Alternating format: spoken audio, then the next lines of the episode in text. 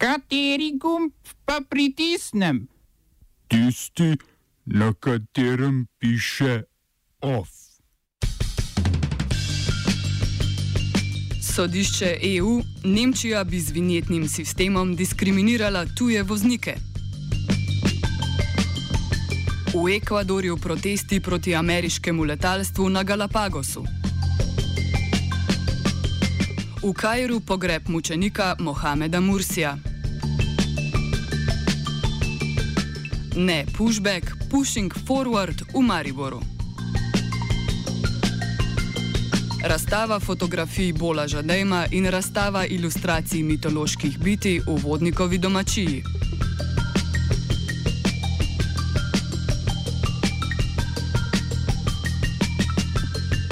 V Londonu sta finančni minister Združenega kraljestva Philip Hammond in namestnik kitajskega premijeja Hu Chung-hua podpisala dogovor o borzni povezavi med Londonom in Šanghajem, o katerem sta se vladi pogajali štiri leta. Dogovor bo omogočil britanskim podjetjem, registriranim na londonski borzi, da svoje delnice ponudijo na šanghajski borzi in obratno. Po trditvah britanskega finančnega ministrstva je to prvi primer, da bodo tuja podjetja lahko delnice ponudila v Ljudski republiki Kitajski. Na srečanju sta strani sklenili več drugih gospodarskih dogovorov o kitajskih investicijah na področjih kot so tehnologija, izobraževanje in finančne storitve. K projektu nove kitajske svilne poti pa Združeno kraljestvo uradno ne pristopa.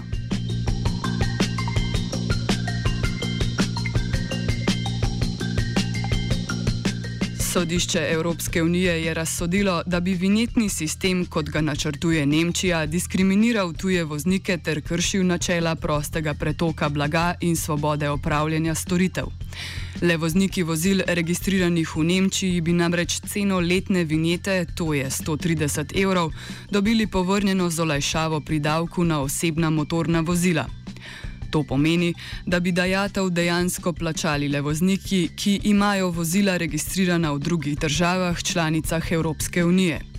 Na uvedbo tako zasnovanega vinjetnega sistema, ki bi moral v veljavo stopiti oktober 2020, se je pritožila Avstrija, podprla pa jo je tudi Nizozemska.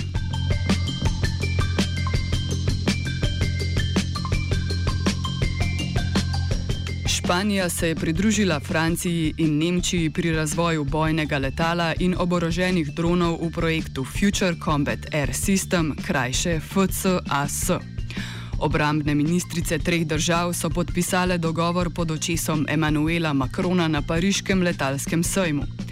Airbus in francoski Dassault Aviation naj bi operativno letalo razvila do leta 2040, testna različica pa naj bi bila na voljo do leta 2026.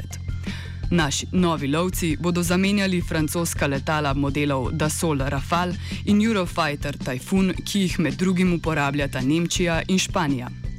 Francija bo v začetni fazi investirala 2 milijardi evrov in pol, Nemčija pa bo pristavila še milijardo in pol. Državi se še nista dogovorili glede potencialnega izvoza novih letal. Medtem, ko je Nemčija do prodaje drugim državam zadržana, Francija ne vidi smisla v investiranju milijard evrov, če ni jasno, kako bo orožje trženo.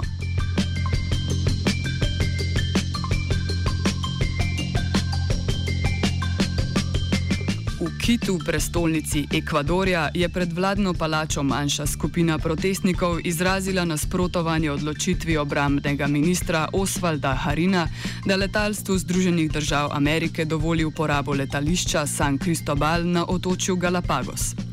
Harin je izjavil, da bodo ameriška letala služila boju proti prekupčevalcem z mamili.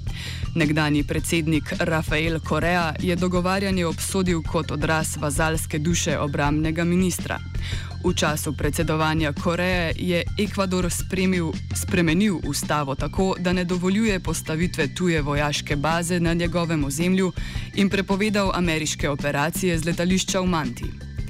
Vendar vlada Linina Morena, ki se je v svojih dejanjih obrnila stran od česarkoli rdečega ali rožnatega, trdi, da ne gre za tujo vojaško bazo, ampak le za začasno uporabo letališča.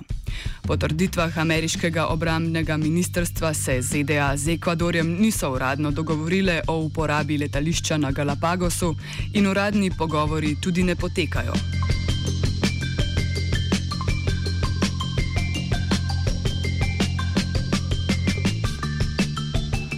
Kajru so ob nekdanjih vodilnih članih muslimanske bratovščine pokopali nekdanjega egiptovskega predsednika Moh Mohameda Mursija. Mursi je zaradi srčnega napada umrl med zaslišanjem glede obtožb vohunjenja na sodišču v Kajru. Kljub temu, da naj bi 67-letni Mursi imel benigni tumor, muslimanska bratovščina trdi, da gre za umor. Sožalje bratskemu egiptovskemu ljudstvu in Mursijevi družini je izrekel katarski emir Šejk Tamim bin Hamad Al-Tani, turški predsednik Recep Tayyip Erdogan pa je Mursija razglasil za mučenika. Mursi se je na predsedniško mesto zavihtel z volitvami po tako imenovani arabski pomladi leta 2012.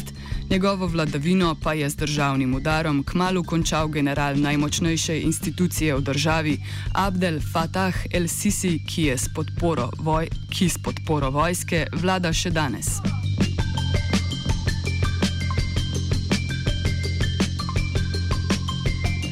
Francoska policija je pridržala predsednika krovne Evropske nogometne organizacije UEFA med letoma 2007 in 2015, Mišela Platinija. Nekdani napadalec francoske reprezentance je prva žrtev dvoletne preiskave posebnega toživstva, ki ugotavlja nepravilnosti pri odločitvi o podelitvi svetovnega prvenstva v Katarju leta 2022. Plat, Platini je v preteklosti že priznal, da je bil mesec pred ključnim glasovanjem na večeri s takratnim predsednikom Francije Nikolajom Sarkozijem in katarskim emirjem Altanijem, a ustraja, da je bil že pred tem, že pred tem sestankom odločen, da da svoj glas objektivno gledano nogometu najmanj prijazni opciji. Oba, če, če bom odgovoril na angliški. Slovenija bo poskušala pomagati. Slovenija bo naredila naš utmost, da bo rekla, da je situacija naš problem, naš sebe. In bomo naredili nadaljnje korake, as soon as the conditions are. Bomo vlado Marjana Cererera Šarca podprli. Very, very serious news from Slovenija. We know how and we will. Čez eno uro se v Mariborskem Kibla portalu začenja dvodnevna mednarodna konferenca Pushing Forward, na kateri bodo aktivisti, nevladniki, akademiki in migranti iz Slovenije in širše regije preizpraševali trenutno stanje migracij in sistematično kršenje človekovih pravic migrantov v regiji s fokusom na tako imenovanih pushbackih. Na panelnih diskusijah in predavanjih bodo spregovorili tudi o vlogi umetnosti, kulture in neformalnega izobraževanja pri tvorjenju strategij povezovanja med novimi priseljenci in pripadniki večkulturnih skupnosti ali diaspor v Evropi.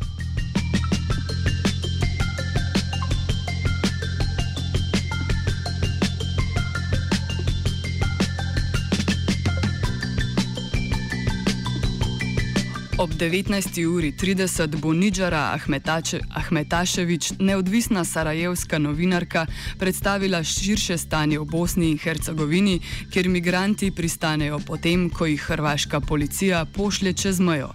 Pod pritiskom Evropske unije eh, Bosna i Hercegovina eh, je postala kao neki hotspot u kojem i mjesto gdje su ljudi zarobljeni i izgubljeni. E, I trenutno e, ono što ih drži u BiH e, i što ih pritišće da ostanu tamo je nasilje koje dolazi kako sa strane e, granične policije Hrvatske, e, tako i od policije u Bosni i Hercegovini. Naročito je loša situacija u Bihaću gdje su e, ljudi ovih dana i ne samo izbjeglice koji su tamo, nego i lokalni ljudi uplašeni onog što, onoga što se dešava. A ono što se dešava je policijsko nasilje. Te jučer sam recimo dobila poziv od vlasnika uh, jednog restorana uh, u koji je juče upala uh, grupa naoružanih policajaca sa dugim cijevima i maskama na licima izvela sve osobe koji su oni zaključili da su migranti koristeći pritome kao jedinu pouzdanu metodu boju njihove kože. Izveli ih vani i počeli ih udarati ispred restorana, a nakon što su ih trebili, odvedeni su na Vučjak, to je ta lokacija E, koju oni e, vlasti dolje žele pretvoriti u kamp, iako je to potpuno e, neuslovno. E, ono što je posljedica za, za čovjeka koji je vlasnik restorana je da sada ne samo da izbili ne smije ući u njegov restoran, nego sad niko ne smije ući u njegov restoran jer se plaše. I policija i vlasti Unsko-Sanskog kantona i u Bihaću su proglasili e, vanredno stanje na neki način i e, za njima to vanredno stanje omogućava da krše e, zakone Bosne i Hercegovine. Oni e, potpuno zanemaruju zakone, vrlo otvoreno to rade i vrlo svjesno to rade i ne dobijaju nikakvu reakciju e, vlasti u Sarajevu. Zašto ne dobijaju reakciju vlasti u Sarajevu? Kad kažem vlasti u Sarajevu mislim na državni nivo. E, zato što od oktobra prošle godine Bosna i Hercegovina ni nema vlasti i ovi ljudi koji trenutno obnašaju funkciju um, vijeću ministara koje je vlada e, državna su u stvari u tehničkom mandatu. OF je pripravil Martin.